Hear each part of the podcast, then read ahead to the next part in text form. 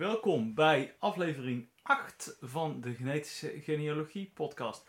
Mijn naam is Erik Mols en ik ga jullie vandaag meenemen in een verhaal over autosomale matches. Ehm, ja, laten we, laten we daar eens mee gaan, eh, gaan starten. Dus het is zover hè. Je, je hebt eh, eh, je, denk, je DNA gemonsterd. Je hebt het ingestuurd en dan na een x aantal weken dan, dan, komt, dan komen de resultaten terug. Nou, en, en natuurlijk komen ze, he, eh, eh, eh, het eerste wat gepresenteerd wordt zijn de etniciteitsscores, want kennelijk doen de meeste mensen daarvoor mee. Maar dan komen natuurlijk ook jouw autosomale scores, jouw matches. Met wie match je en met wie match je niet. En dan breekt toch vaak de spannende periode aan. Hè? Je wil wellicht met, met mensen contact opnemen om te kijken of je er samen uit kan komen hoe die andere persoon in jouw stamboom past of jij in hun stamboom past. En uh, ja, dan ga je ze aanschrijven via platform. En dan krijg je geen reactie. Nou, dat heb ik in mijn vorige aflevering ook al verteld. Dat komt vaak omdat die mensen deelnamen voor de etniciteitsscores. Of, wat ik ook kan, is dat ze heel lang geleden hebben meegedaan. Nou, op de meeste platforms kun je wel zien wanneer ze voor het laatst zijn ingelogd. Dus dat kan een indicatie zijn of ze gaan reageren of niet. En je kan ook zien hoe groot hun stamboom is. En als er een stamboom in zit van vijf mensen, nou, dan mag je ervan uitgaan dat je geen reactie krijgt. Um, in een andere podcast hebben we het gehad over centimorgans. Je weet dat op uh, eh, 23andMe na alle bedrijven de matches scoren in uh. Je weet ook nog, als het goed is heb je dat onthouden, dat uh, eh, 7.500 ongeveer het maximum is. Maar dan heb je een identieke match met jouw een eigen tweeling of jezelf, je eigen kinderen zo rond de 3500. En daar gaat het natuurlijk steeds verder omlaag. Hè? Ehm, hoe groter het aantal centimorgen is wat je gemeenschappelijk hebt, des te groter is er natuurlijk een kans dat jij de most uh, recent common ancestor, oftewel de MRCA, de laatste gezamenlijke uh, voorouder eigenlijk, dat je die gaat vinden. En ja, uit mijn ervaring kan ik je vertellen dat ik uh, de MRCA meestal, zodra een match boven de 30 centimorgen uh, was en de andere partij zeg maar ook een stamboom had, ik meestal hem wel kon vinden. En het gaat natuurlijk niet uh, alleen om het totale centimorgans. Het gaat zeker ook over de grootte van de segmenten. Maar dat heb ik eerder ook al verteld.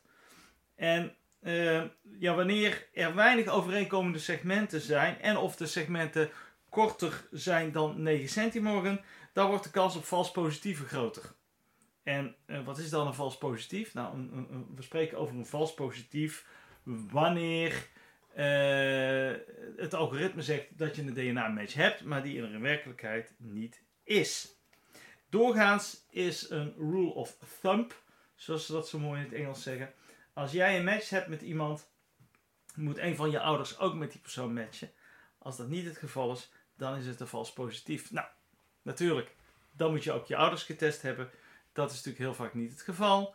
Dus je kunt het niet altijd beoordelen. Ja? Wanneer je erover nadenkt en je realiseert dat iedere generatie het aantal centimorgens ruwweg halveert, dan kun je wat berekeningen uit gaan voeren. En laten we vanuit gaan dat ik 3500 centimorgen gemeenschappelijk heb met mijn ouders, 1750 eh, centimorgen met mijn grootouders, 875 met mijn overgrootouders, en et cetera, et cetera, et cetera. En uh, dan blijft er dus, dus niet zo heel veel over uh, als ik verder dan acht generaties omhoog ga. Hè? En uh, kijk, reken maar na. Wanneer iedere generatie gemiddeld om de 25 jaar gepositioneerd kan worden, dan zijn er na 250 jaar zijn alle autosomale sporen verdwenen. Alle autosomale sporen, zeg ik. Hè?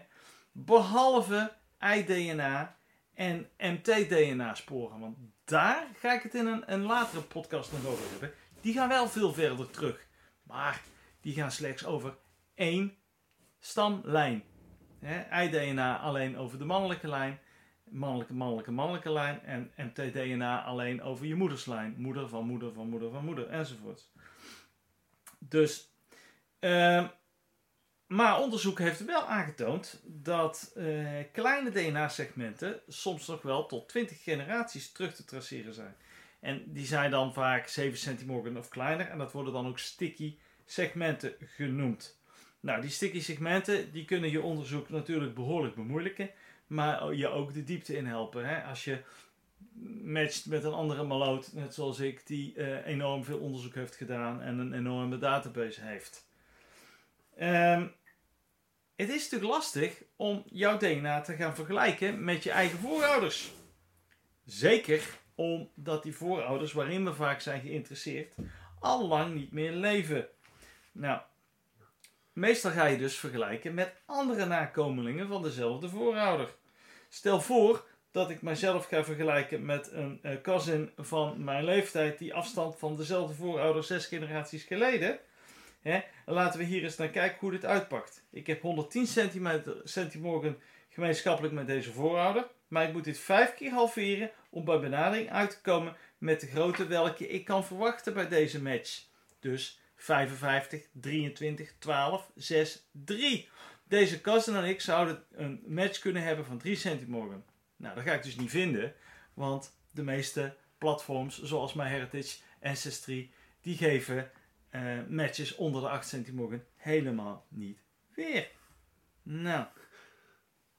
Dus wil ik wel verder teruggaan dan 250 jaar, dat betekent dat vrijwel altijd een combinatie van autosomaal i-DNA en of mitochondriaal DNA onderzoek.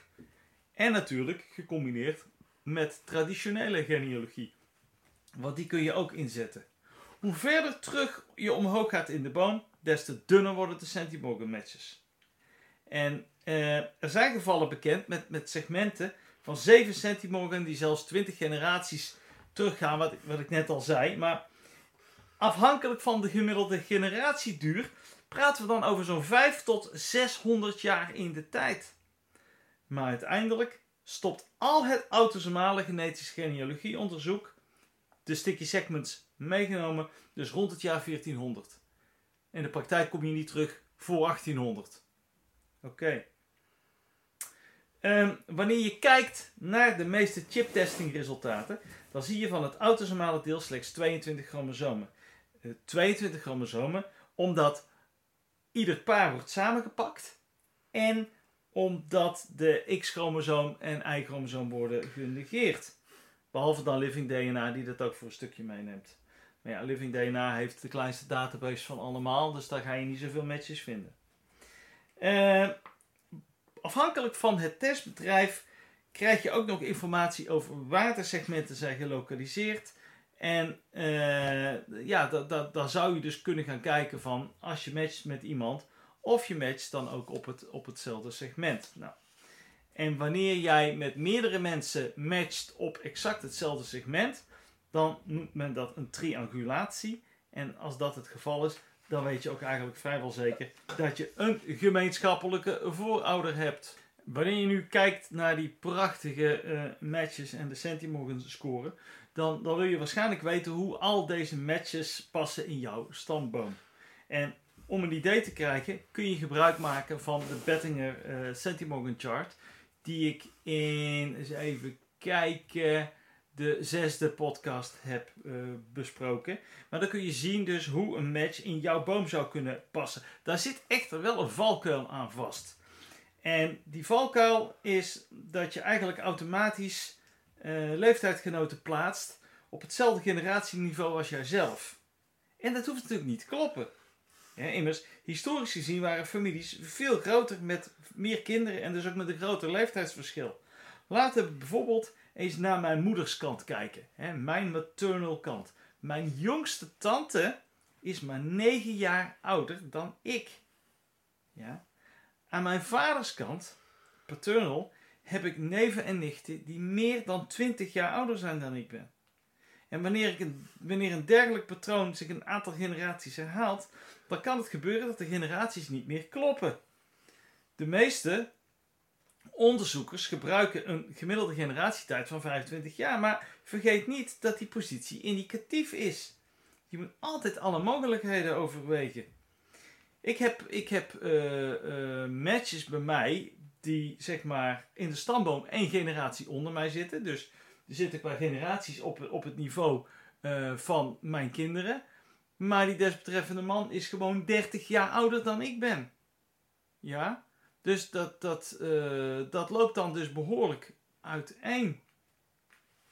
Nadat je die matches hebt onderzocht met de Centimorgan tool, starten veel onderzoekers met, uh, met clusteren.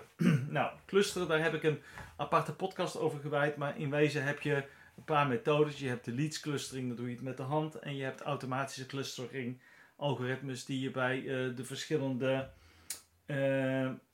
platforms kunt gebruiken. En bij clusteren gaat het feitelijk erom dat je software gaat laten kijken welke matches van de gemeenschappelijke voorouder afstammen. Nou, er zit wel een probleempje bij. En dat zijn de beperkingen, met name van het autoclusteren. Dat het alleen, match cluster, alleen matches clustert die meer dan 20 centimorgen hebben. En ook uh, dat de autocluster software tweedimensionaal is. Waarmee ik bedoel dat een match maar in één cluster tegelijk kan zitten. Terwijl natuurlijk gewoon daar overlap tussen kan zitten. Dat is dus eigenlijk niet zo realistisch. Maar het is wel indicatief. Maar daar gaan we het uitgebreid over hebben wanneer we gaan praten over clusteren. Nou, zowel de leads-methode als autoclusteren is gebaseerd op gedeelde segmenten. Het generieke idee is dat wanneer je segmenten gemeen hebt, dat je dan ook een voorouder deelt. Een andere technologie die gebruikt kan worden om gedeelde afstamming te visualiseren is een chromosoombrowser of eh, DNA Painter. Beide technieken zijn uh, overigens min of meer hetzelfde. Met chromosoom browsing software kun je matches kiezen die je wil vergelijken. En wanneer je een aantal matches hebt, kun je die segmenten uh, zien die je met elkaar deelt. En als je dan exact ziet, hey, dat overlapt helemaal 100%, dan staat er een mooi vierkantje omheen. En dan weet je, hey, triangulatie, hebben gegarandeerd dezelfde voorouder. We moeten één ding nog in, in acht nemen wanneer we spreken over uh, segmenten uh, van het DNA. En meestal praten we over de zogenaamde HIR-segmenten. En HIR staat voor Half Identical Region. Dat komt namelijk dat je die chromosomen uh, samen zijn gevoegd. Dus je, daardoor weet je ook niet uh, waarvan de match van welke kant afkomstig is. Daardoor kost dat meer, uh, meer zoekwerk. Ehm, wanneer beide allelen, dat, dus als je allebei de chromosomen hebt, dan heb je dus een allel op allebei die chromosomen liggen van één paar. Als die volledig uh, uniek zijn, dan noemen ze dat een fully identical region, oftewel een FIR. F-I-R. En uh, helaas, de meeste testbedrijven die kunnen het verschil tussen een HIR en een FIR niet vaststellen. En ja, dat komt dus nogmaals omdat het DNA van de chromosoom van een paar wordt samengevoegd. Uh, rest mij nog je een goede dag verder te wensen. Tot de volgende keer. Kijk ook op mijn website www.filin.nl. Dat is F-I-L-I-N.nl. De muziek is gemaakt door Airtone en is vrijgegeven via een Creative Commons licentie.